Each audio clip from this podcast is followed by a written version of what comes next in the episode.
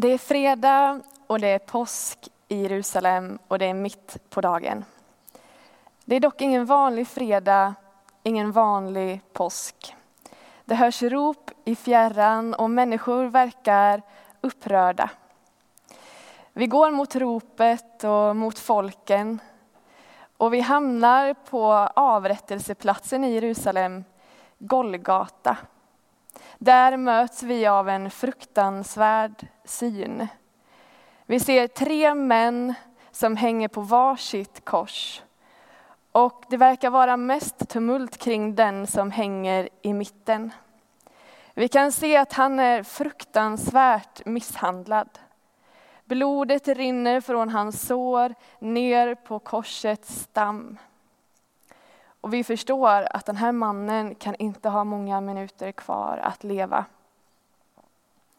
Vi ser några kvinnor som står nära korsen. Vi går fram till dem och försöker liksom fråga vad är det som står på här. Kvinnorna är oerhört ledsna och det är svårt att förstå vad de säger. Men vi får fram att den ena kvinnan verkar vara mor till mannen i mitten. Hon säger att han heter Jesus och att han är oskyldigt dömd. Han har inte gjort något brott, men ändå hänger han där. Hur hände det? När Jesus blir tillfångatagen av soldaterna i Getsemane trädgård så säger han, detta är er stund, nu, är mörk, nu har mörkret makten. Under Jesu vandring till korset så möter vi en rad olika människor och händelser. Vi möter Judas, en av Jesu närmsta lärjungar som förråder honom, som överlämnar honom till soldaterna. Han förråder Jesus med en kyss och för det så får han 30 silvermynt. Han blir köpt för att förråda en oskyldig man, en av sina närmsta. Hur kunde det bli så? Vi får också möta Petrus. Petrus som också var en av Jesu närmsta vänner och lärjungar. En lärjunge som verkligen visat sig eh, stark och trogen och modig i sin tro. Han förnekar Jesus tre gånger efter att Jesus blivit gripen. Av rädsla för sitt eget liv så säger han att han känner inte den mannen. Hur kunde det bli så? Vi får även möta vakter som bevakade Jesus när han hade blivit tillfångatagen. Och det hade räckt med att de bara gjorde det, alltså bevakade honom. Men istället så tar de sig rättigheter de slår honom, de sätter en krans av törne på hans huvud. De gör narr av honom, spottar på honom och så frågar de honom, om du nu är profet, vem av oss var det som slog dig? Hur kunde det bli så? Vi får också möta folket som samlats utanför Pilatus som var romersk ståthållare. Han ansåg inte att Jesus hade gjort någonting som gick att eh, döma honom till döden för. Men folket, och däribland de översta prästerna, ropade att de istället ville se Barabbas fri. Barabbas som var en mördare. Honom ville de se friad. Och Jesus, honom ville de se dödad, honom ville de se korsfäst. De ropar korsfäst Jesus, korsfäst Jesus och frige Barabbas.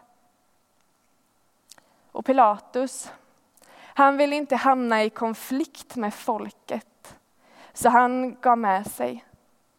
Jesus blev dödsdömd. Hur kunde det bli så? Vi får även möta soldaterna som befinner sig nedanför en blödande Jesus på korset. En man som bokstavligt talat kämpar för sitt liv. En man som bara har några minuter kvar att leva. Och vad gör soldaterna?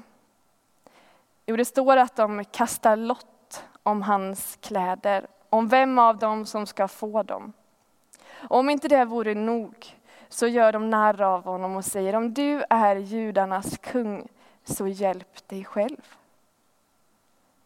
Hur kunde det bli så? Hur kunde alla dessa människor brista så? Hur kunde de navigera så fel? Jesus blev på sin väg till korset förrådd, förnekad, spottad på, förödmjukad, slagen, piskad, hånad, förminskad, förlöjligad och till sist mördad. På det mest grymma sätt som man kan tänka sig. Och under hela den här tiden så var det inte många gånger som han öppnade sin mun och sa någonting. Han höjde inte sin röst, han sa inte ifrån. Såklart han hade kunnat. Såklart att han hade kunnat hindra det som skedde. Han hade ju tidigare uppväckt folk från de döda. Gett blinda syn, gått på vatten, botat sjuka. Såklart att han hade kunnat rädda sig själv. Men de få saker som Jesus säger under hela den här tortyren enligt Lukas evangeliet, det är när han hänger på korset och då säger han, Fader, förlåt dem, för de vet inte vad de gör. Efter allt det som människorna har gjort mot honom så ber han Gud att förlåta dem. Det andra han säger på korset är till en av rövarna som hänger bredvid honom. Den ena av förbrytarna som hängde där smädade honom och sa, är inte du Messias? Hjälp då dig själv och hjälp oss. Men då tillrättavisar honom den andra. Är du inte ens rädd för Gud? Du som har fått samma straff. Vi har dömts med rätta. Vi har fått vad vi har förtjänat. Men han, han har inte gjort något ont. Och han sa, Jesus, tänk på mig när du kommer med ditt rike. Och nu öppnar Jesus sin mun igen och svarar den här mannen. Och det han säger är, sannerligen, redan idag så ska du vara med mig i paradiset. Jag vet inte hur du känner, men i första anblick kanske det är lite svårt att identifiera sig i någon av de där människorna som behandlar Jesus så illa. Det är lätt att tänka att ja, men jag hade i alla fall försvarat honom. Jag skulle inte ha gjort så här. Hur var människor på den tiden funtade egentligen? Kunde, hur kunde Judas gå med på att förråda en av sina närmsta för 30 silvermynt? Vad drev folk till att gå så långt att de ville korsfästa en oskyldig människa?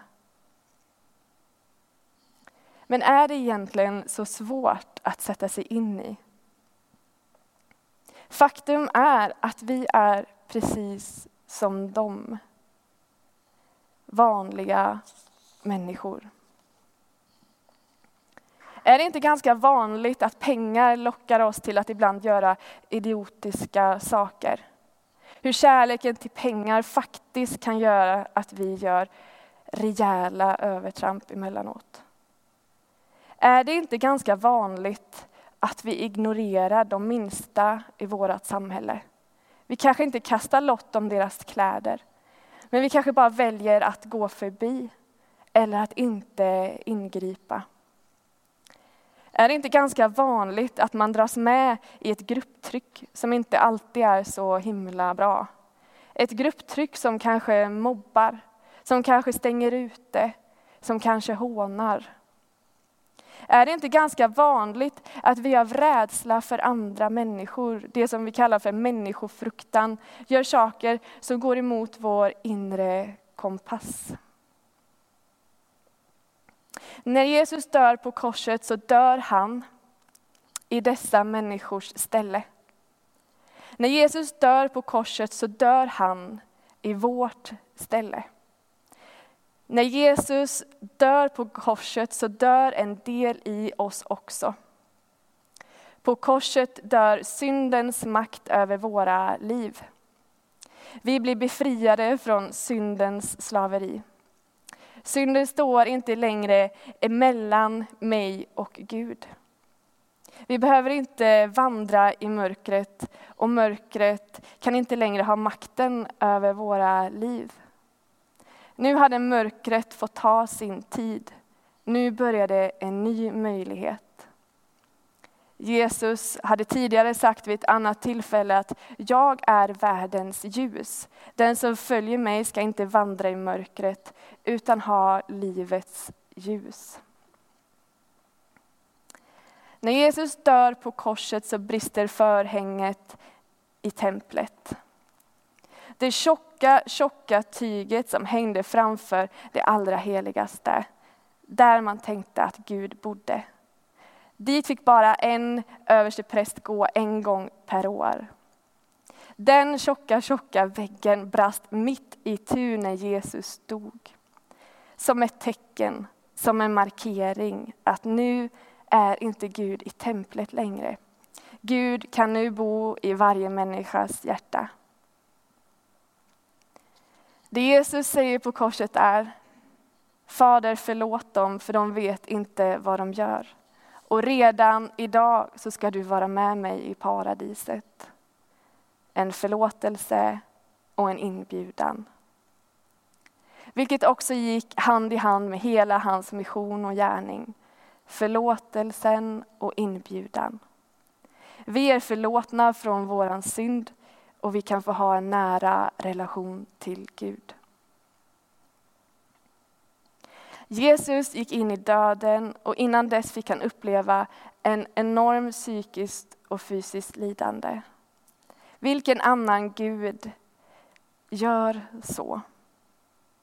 Jesus, Guds son, går ner på botten, går ner i det mest smutsiga av det smutsiga, in i det mörka, ber, bär flera ton synd på sina axlar och så lägger han dem i graven. Gud är en Gud som blöder för oss och med oss. Gud är en Gud som vet hur det känns att ha ångest, att lida, att uppleva enorm smärta, sjukdom och död. För att han har upplevt det genom sonen. Till honom kan vi också få gå och blöda. Till honom kan vi få sätta vår tillit och vårt hopp. Till någon som vet hur det är att vara människa. Många gånger i Jesu liv så säger han till dem som han möter att var inte rädda. Och vem har egentligen makten att kunna säga det uppriktigt? Jo, bara den som vet vad som finns i mörkret. Bara den som har besegrat döden kan säga att vi inte behöver vara rädda för den. Och till den guden sätter jag mitt hopp. Vi är tillbaka vid avrättningsplatsen på Golgata. Och det blir plötsligt alldeles mörkt fast att det är mitt på dagen. Och så hörs det ett rop från mannen i mitten, från Jesus. Han ropar att nu är det fullbordat. När Jesus slutade andas så skakade marken och stämningen på avrättningsplatsen blev konstig, den blev mättad. Folk drog sig undan och kropparna togs ner snabbt för det var förberedelsetid för sabbaten. Imorgon skulle ingenting göras, då skulle alla vila. En man som verkar ha följt Jesus fick lov att ta hand om kroppen. Och vi följer med och ser på hur han lindar den här sargade kroppen. Han använder kryddor och olja och han varsamt tar hand om den här blödande, sargade kroppen. En oskyldig man, så förstörd och så märkt av människas ondska och lidande. Och när vi står där och kollar på den här döda kroppen så rullar tårarna ner från våra kinder och våra hjärtan fylls av tacksamhet. För vi inser också att det skulle ha varit vi. När allt var färdigt läggs han i en klippgrav nära Golgata och en enormt stor sten rullas för gravöppningen.